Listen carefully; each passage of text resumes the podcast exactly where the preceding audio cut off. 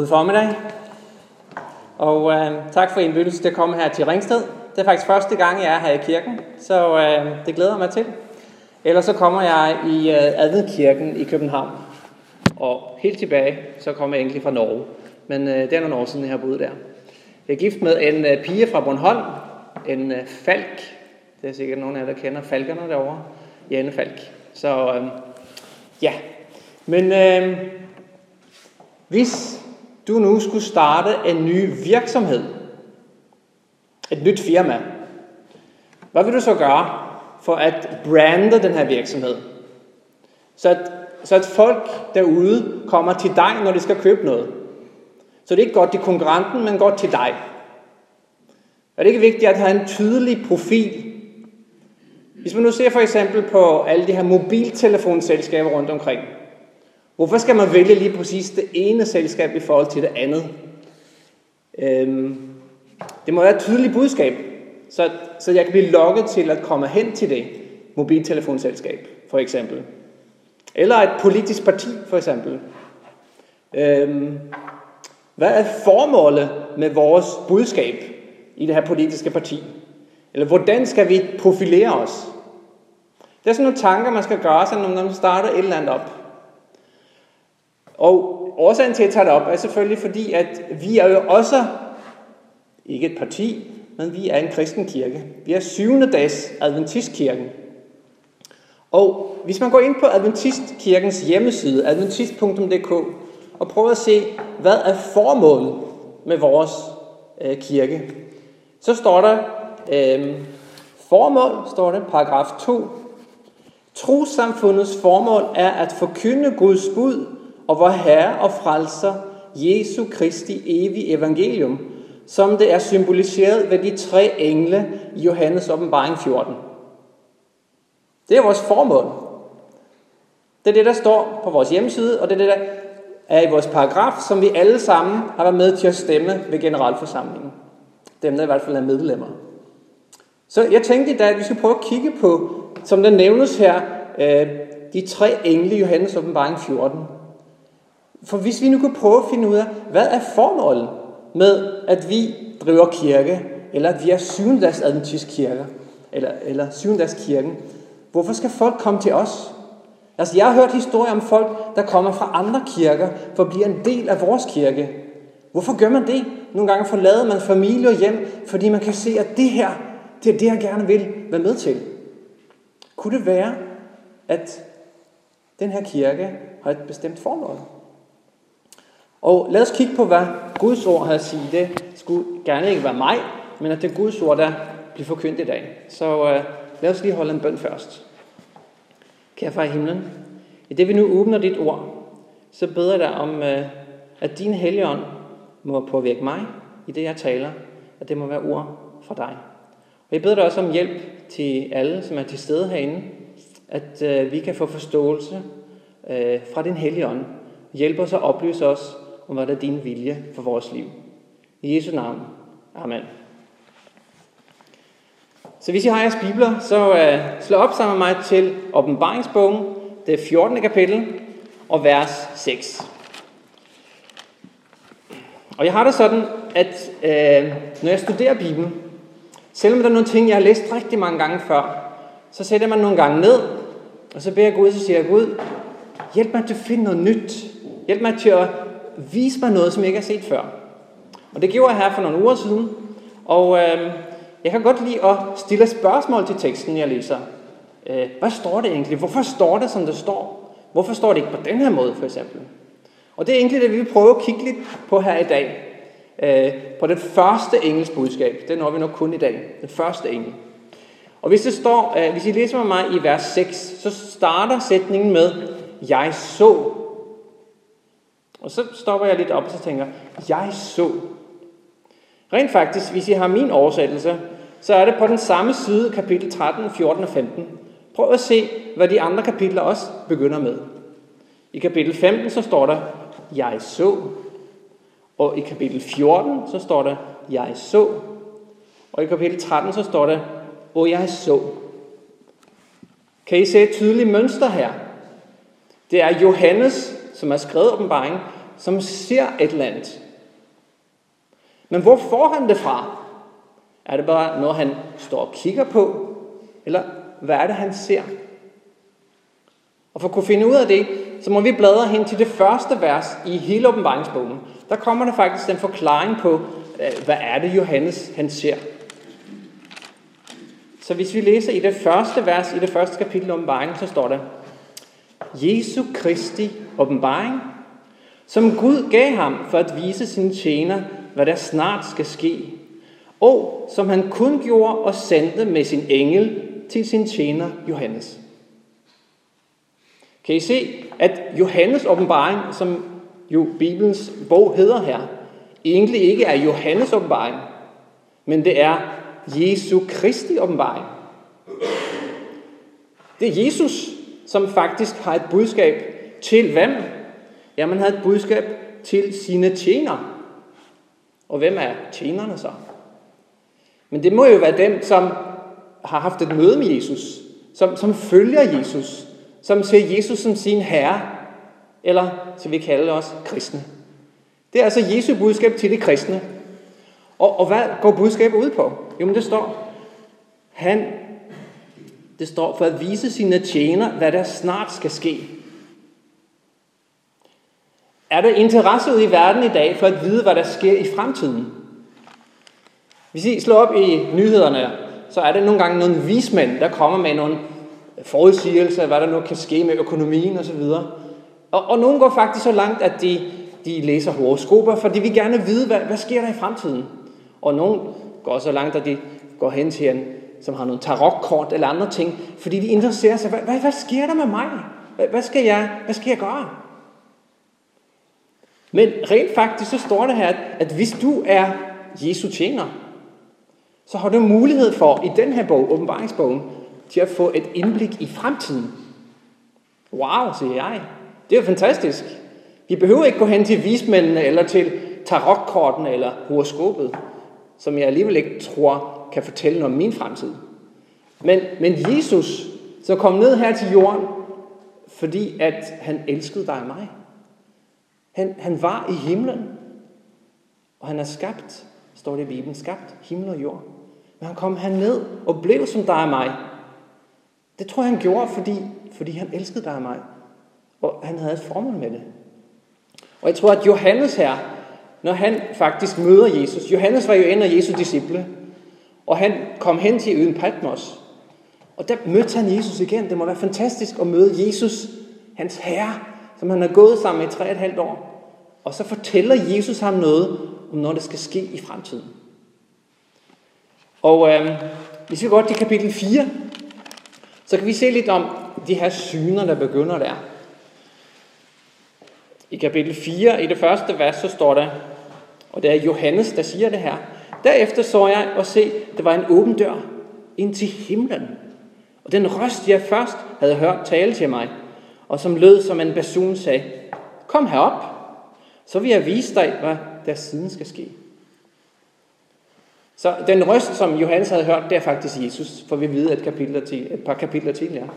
Så Jesus inviterer så Johannes op, og vi viser ham nogle ting, som han så skri- skal skrive ned, så at vi, os, hans tjener, kan få et indblik i, i fremtiden.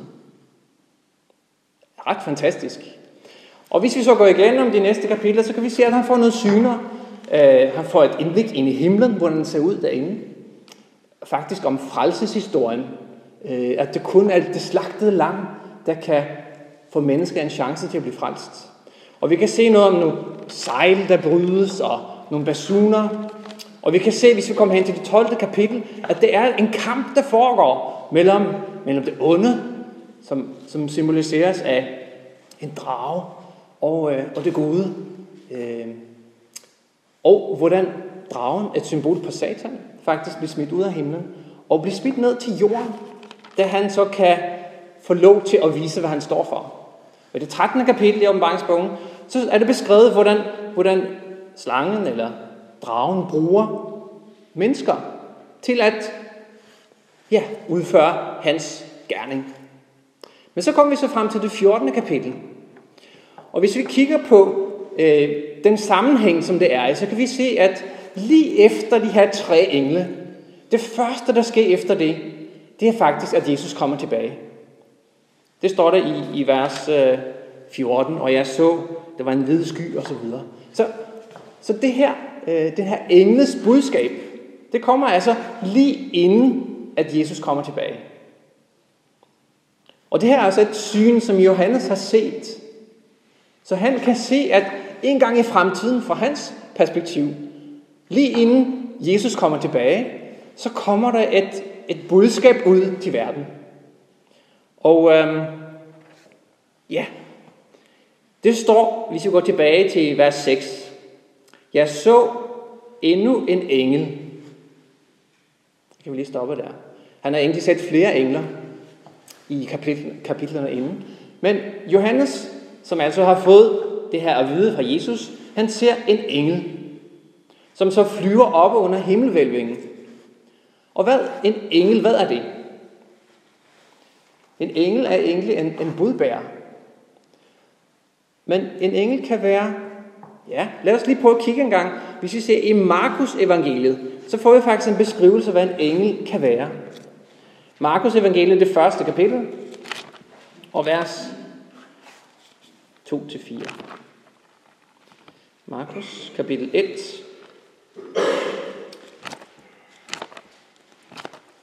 Så her. Og her står der,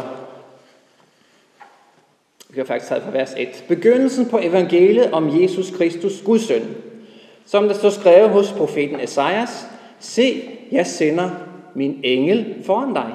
Han skal bane din vej. Det er en, der råber i ørkenen. Bag en herrens vej gør han stiger jævne. Således trådte Johannes døber frem i ørkenen. Så den her engel er faktisk en budbærer, her symboliseret ved døberen Johannes. Så, så Gud havde et budskab, men han brugte altså et menneske, symboliseret ved en engel, til at forkynde et budskab. Så det tyder på, at Gud han bruger også mennesker for at fortælle budskabet videre til verden. Øhm, og hvis Gud gav budskab til mig og nogle andre og til dig osv., så, så er vi jo en menighed faktisk med det samme budskab, der har et budskab at forkynde. Så en engel kunne være det, at Gud han bruger mennesker til at forkynde et bestemt budskab, lige inden Jesus kommer tilbage, kan vi se her. Og det er det, Johannes har fået syn for, eller det er det, han kan se, kommer til at ske i fremtiden. Og det får vi at vide faktisk her. Et privilegium skal vi være taknemmelige for. Hvis vi læser videre, så står det, jeg så endnu en engel flyve midt oppe under himlen. Den havde et evigt evangelium at forkynde for dem, der bor på jorden, og for alle folkeslag og stammer, tungemål og folk, og englen sagde med høj røst. Hvis nu går et skridt tilbage her, og så prøv at analysere eller tænke over, hvad bliver der sagt her? Midt op under himmelvælvingen, det står, for dem, der bor på jorden, for alle folkeslag og stammer, tungemål og folk, og med høj røst. Hvad, hvad siger det egentlig? Er det sådan en lille hemmelighed, vi skal have, sådan, have inden for kirkens fire vægge og sidde og hygge os med? Eller er der noget, som faktisk skal ud med høj røst til alle folkeslag, stammer og tungemål? Det er noget, der skal ud og det får man til at tænke på, også som, som kirke. Hvor godt kendt er vi rundt omkring? Hvor meget kender til syvendags adventist kirken? Kender folk det her i Ringsted? Kender folk det i København? Jehovas vidner for eksempel. Kender folk Jehovas vidner? De fleste ved faktisk, hvem Jehovas vidner er, men, men adventisterne? Tænk, hvis det var sådan, at, at de kendte os, nu er Jehovas vidner sådan måske en lidt negativ klang rundt omkring. Men tænk, hvis folk kendte os med en positiv klang, fordi vi havde noget bidrag med. Fordi vi, vi har fået en indsigt, fordi vi er Jesu tjener, og gerne vil dele det med andre. Og det står her, det er det evige evangelium. Det vender vi tilbage til, hvad det er for noget. Men tænk, hvis det var sådan. Jeg har en søn, Christoffer. Han bliver lige student her i sommer på Vejlefjord. Og øh, han har besluttet sig, at han vil arbejde et år, inden han skal studere videre. Så han har fået arbejde i en supermarkedskæde. Og øh, da han været til samtale, så øh, fortalte han det, at øh, han øh, ikke arbejder øh, fra lørdagen, og om sabbaten. Om det var et problem. Og det, det kunne de godt finde ud af. Og så den første dag, han mødte op, så kom de til at tale om det, og så var den anden øh, ny, der også startede samtidig, som kom fra, fra Afrika. En ung mand, og, de, og lige da han hører det, at Christoffer siger, at han, han, han havde fri om lørdagen, så siger den her mand fra Afrika, er du syvende dags adventist? For i Afrika, der ved man, hvem syvende dags adventisterne er. Tænk, hvis det også kunne være sådan her i, uh, i Danmark. Jeg tror på, det er muligt. At på en positiv måde faktisk hjælpe mennesker rundt omkring, som vi talte om i sabbatskolen også, at være for dem og også gøre. Men igen, vores formål som kirke, fandt vi ud af her, det var, at vi skulle ja, faktisk forkynde det her engles budskab. Og det er det, vi prøver at kigge på nu. Hvad, hvad går det egentlig ud på? Det står her, at hvem er det her til? Det står her i vers 6. Den havde et evigt evangelium at forkynde for dem, der bor på jorden. Og hvem er det så? Og igen, hvis man nu Studere Bibelen lidt, og det kan jeg rigtig godt lide at se, kan det her udtryk, dem der bor på jorden, findes det andre steder? Fordi det kunne måske sige noget om, hvad formålet er her. Og hvis I bare kigger faktisk i det foregående kapitel, i det 13. kapitel, så er faktisk det samme udtryk brugt der. Og der kan vi se her i kapitel 13 og vers 7, og prøv at lægge mærke til her nu, hvor det står. Her er det så om en helt anden magt. Det drejer sig om dyret. Og dyrets opgave er at forføre. Vi kan se, at det er Satan, der står bag dyret. Og det står her. Det fik givet magt til at føre krig mod de hellige og besejre dem, og det fik givet magt over hver stamme og folk og tungemål og folkeslag. Det var faktisk forkert. Det var øh, vers 14, vi skulle have fat i. Her står det, det forfører dem, der bor på jorden. Der var det. Det forfører dem, der bor på jorden, med de tegn, som det har fået givet at gøre for det dyrs øjne, og siger til dem, der bor på jorden, at de skal lave et billede af dyret. Så kan I se, at den onde eller satan bruger en eller anden magt og forfører dem, der bor på jorden. Men Gud, han elsker os for meget til, at vi skal gå for, eller blive forført. Så han kommer med et modspil til det her. Så han bruger nogle mennesker, som kommer med evangeliet til dem, der bor på jorden. Så i stedet for, at dyret skal forføre dem, der bor på jorden, så kommer Gud med et budskab til dem, der bor på jorden, som er evangeliet. Kan I se kontrasten? Dyret arbejder med sine mennesker, og Gud arbejder med sine mennesker til at komme med et modspil til det bedrag, som er. Gud han elsker dig og mig for meget til, at vi ikke skal vide nok, eller at vi ikke skal kunne forstå og fatte, hvad evangeliet er for noget. Og derfor bruger han mennesker, som dig og mig, til at dele de fantastiske nyheder, som evangeliet jo er. Og det stod også det, at det var dem, der bor på jorden, og så også for alle folkeslag og stammer og tungemål. Og det var også det, jeg læste det første vers i det 13. kapitel. At det ene dyr også faktisk snyder dem, alle folkeslag og stammer og tungemål. Så kontrasten er, at Gud elsker os og vil give os indsigt. Men det her evangelium, hvad er det for noget? Måske kan I huske en historie fra det gamle testamente. Det var faktisk nogle spedalske mænd, som levede uden for byen Samaria. Og de havde ikke ret til at være inde i byen. Og det var sådan, at fjendeherren havde kommet og belejret den her by. Og, og lå rundt omkring den, og de lå der så lang tid, at til sidst var der ingen mad tilbage i hele byen. Det var sådan til sidst, at man spiste æselhoved og duemøg. Det var totalt panik inde i byen. Og de, de her spedalske mænd, de var midt imellem. De sagde, hvis vi går ind i byen, så dør vi. Hvis vi bliver her, så dør vi. Men hvis vi går over til fjendelejren, så dør vi sandsynligvis også. Men der er måske en lille chance for, at de kan forbarme sig over os. Og det viser sig, at de går hen til fjendelejren. Og så finder de det fantastiske, at Gud har sørget for, at de har forladt hele lejren med al mad og alt, der ligger der, til fuld og fri afbenyttelse. Og de her spedalske mænd, de hapser til sig, de spiser, de æder, men så kommer de så i tanke om, nej. Og de siger så faktisk i anden kongebog, det 7. kapitel, vers 9, og så står der, dagen i dag er en dag med godt nyt, og vi tiger bare stille. Godt nyt, det er det samme som evangeliet. Det betyder faktisk gode nyheder. Så de her mennesker, da de opdager, de spedalske, de opdager, at Gud på mirakuløs vis har grebet ind og reddet dem fra fjenderne og sørger for, at de får mad. Det kan det ikke holde for sig selv. Vi tiger bare stille. Ej, det er forkert. Vi er nødt til at fortælle de gode nyheder. Og måske har du også i dit liv oplevet, at Gud har grebet ind i dit liv.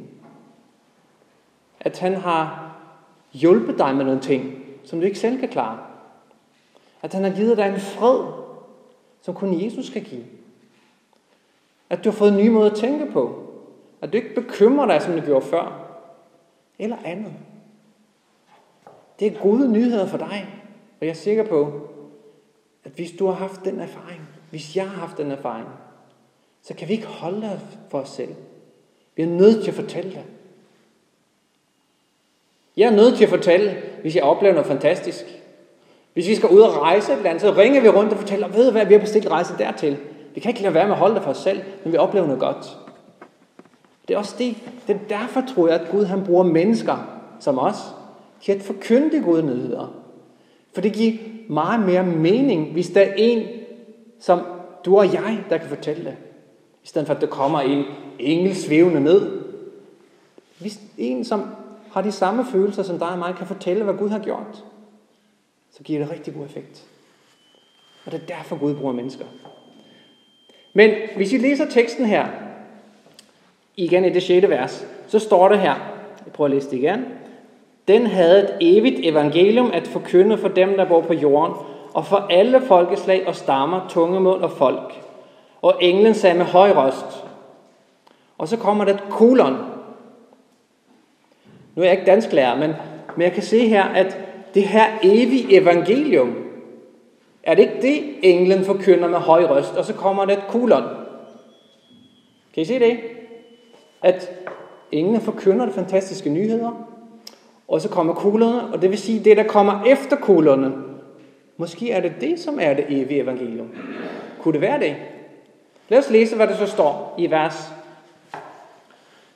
7 her. Det står, frygt Gud og giv ham ære, for timen er kommet, da han dømmer. Tilbed ham, som har skabt himmel og jord og hav og kilder. Kunne det være det, som er evangeliet? Det kan ikke passe, vel?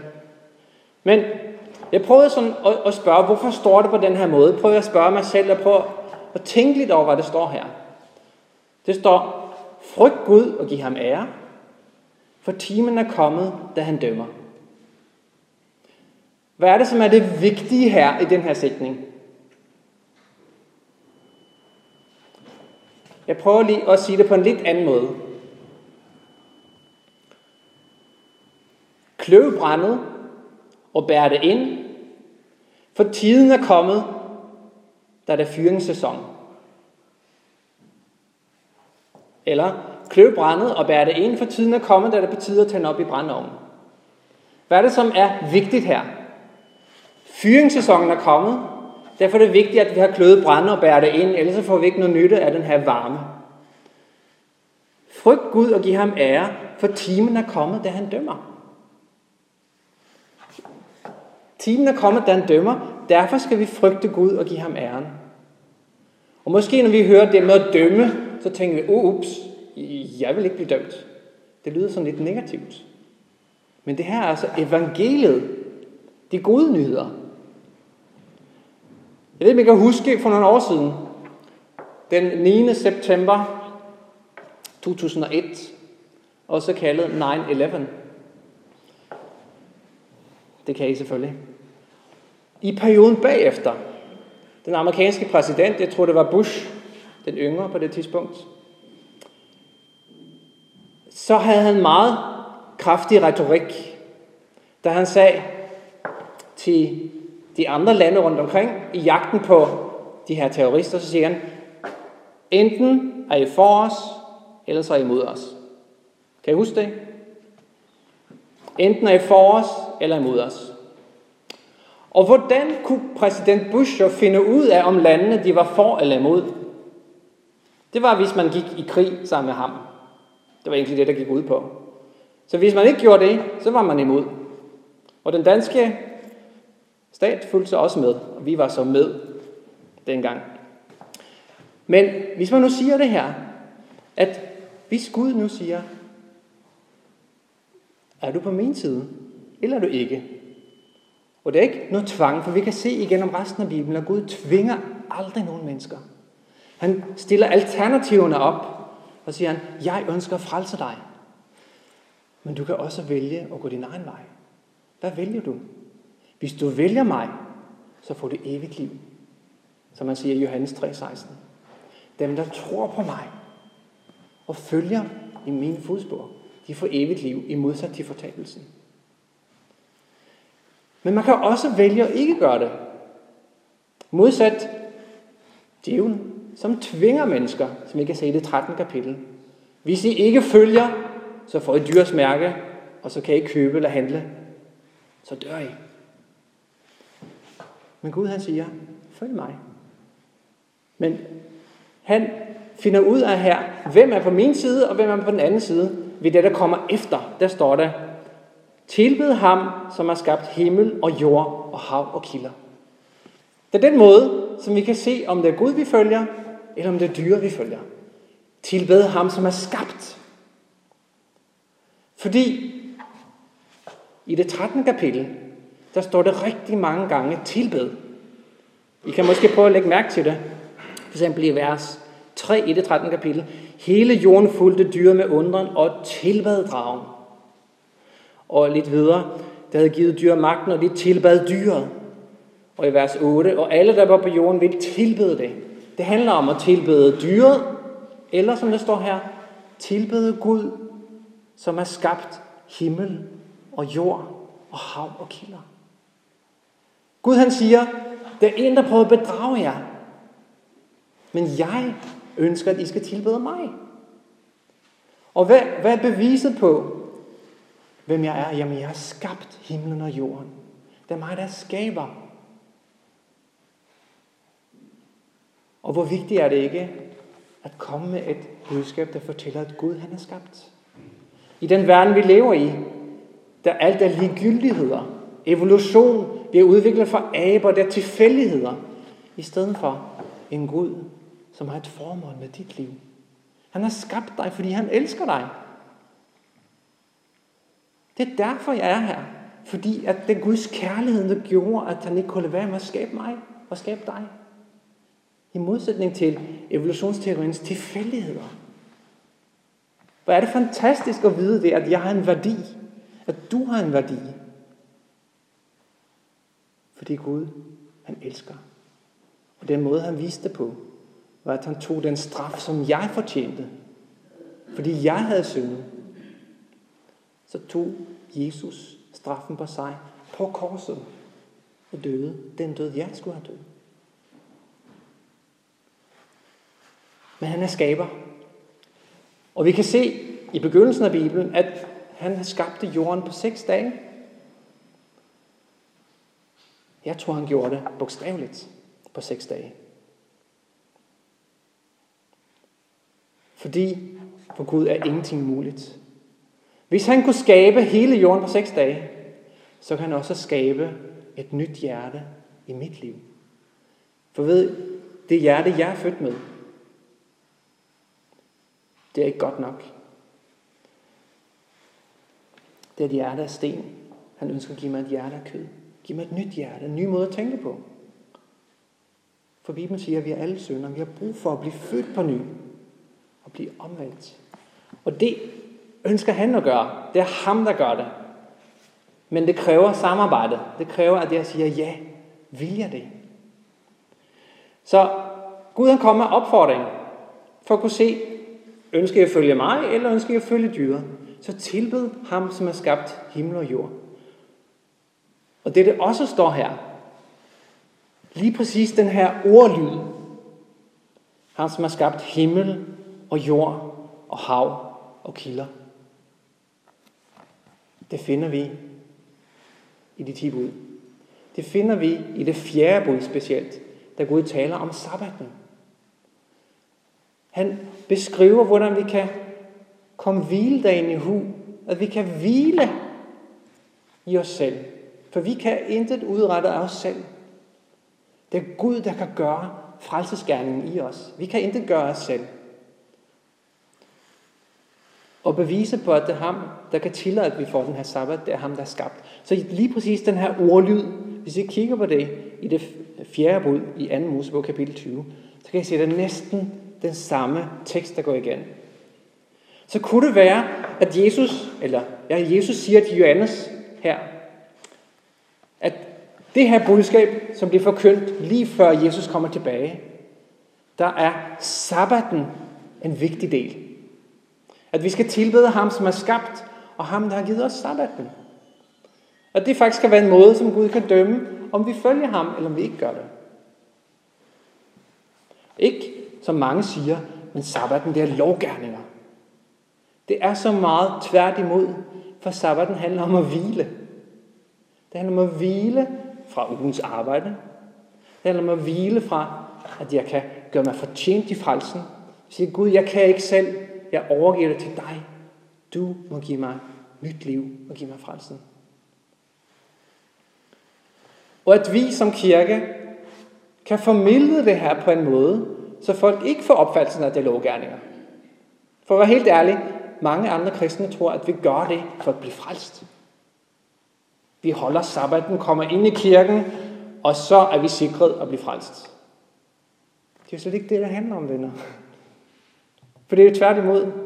Vi kommer her, for vi ønsker at tilbede og hvile i, hvad Gud har gjort for os. Og det her budskab bliver altså forkyndt lige før Jesus kommer tilbage.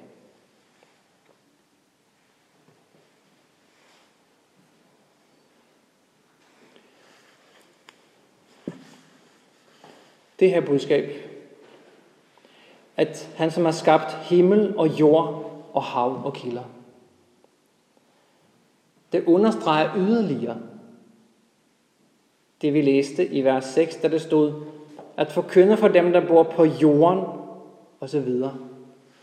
Det er os, der handler om. Men Satan prøver på at snyde os.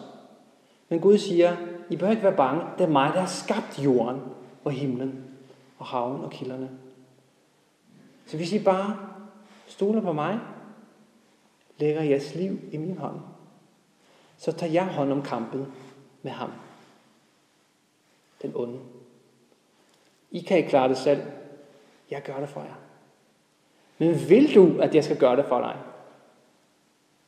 Jesus står udenfor og banker på. Det er min opgave at lukke ham ind. Kan I huske, da Jesus, efter han var opstået, så slog han følge med to disciple på vejen fra Emmaus. De var totalt håbløse, for deres mester var død. Og det gik rundt, og det gik der og talte, og så kom han og slog følge og sagde, hvor, hvor, hvorfor er I så ked af det? Men har du ikke hørt? Og så er det så, at han begynder at fortælle den ud fra Moses og profetierne om den her Messias, der skulle komme. Han åbnede, til vi kalde det Bibelen for dem.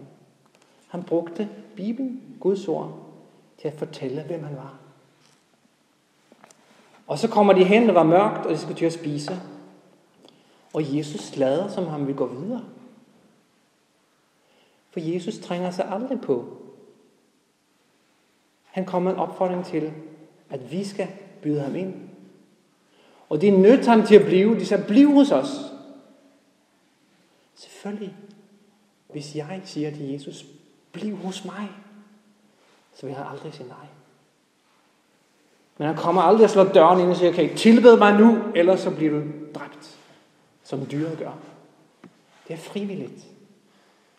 Han vil, at vi af egen frivillige skal vælge ham. Fordi vi kan se, at det er den eneste måde, jeg kan blive frelst på. At Jesus styrer mit liv. Og dit liv.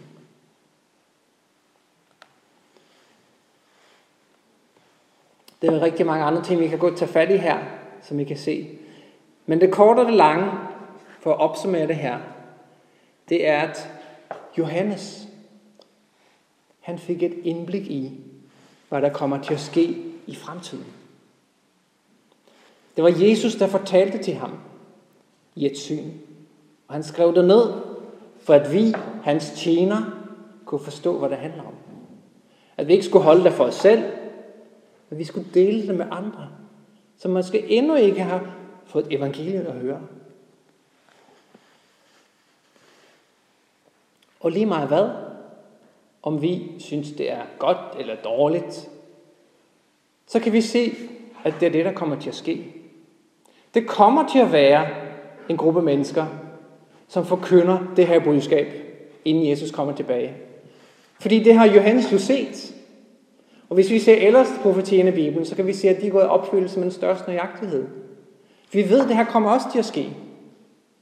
Så spørgsmålet for dig og mig er, vil jeg være en del af det her? Vil jeg være blandt dem, der forkynder det her budskab? Eller vil jeg stå udenfor og kigge på og sige, okay, men det synes jeg ikke rigtig, jeg har lyst til at være en del af. Det kommer til at være der, enten vi vil det eller ej. Og jeg tror på, når jeg kigger på de her ting, at det er det, adventismen egentlig har som opgave. At fortælle evangeliet, de gode nyheder. Fortælle om sabbatens fantastiske budskab.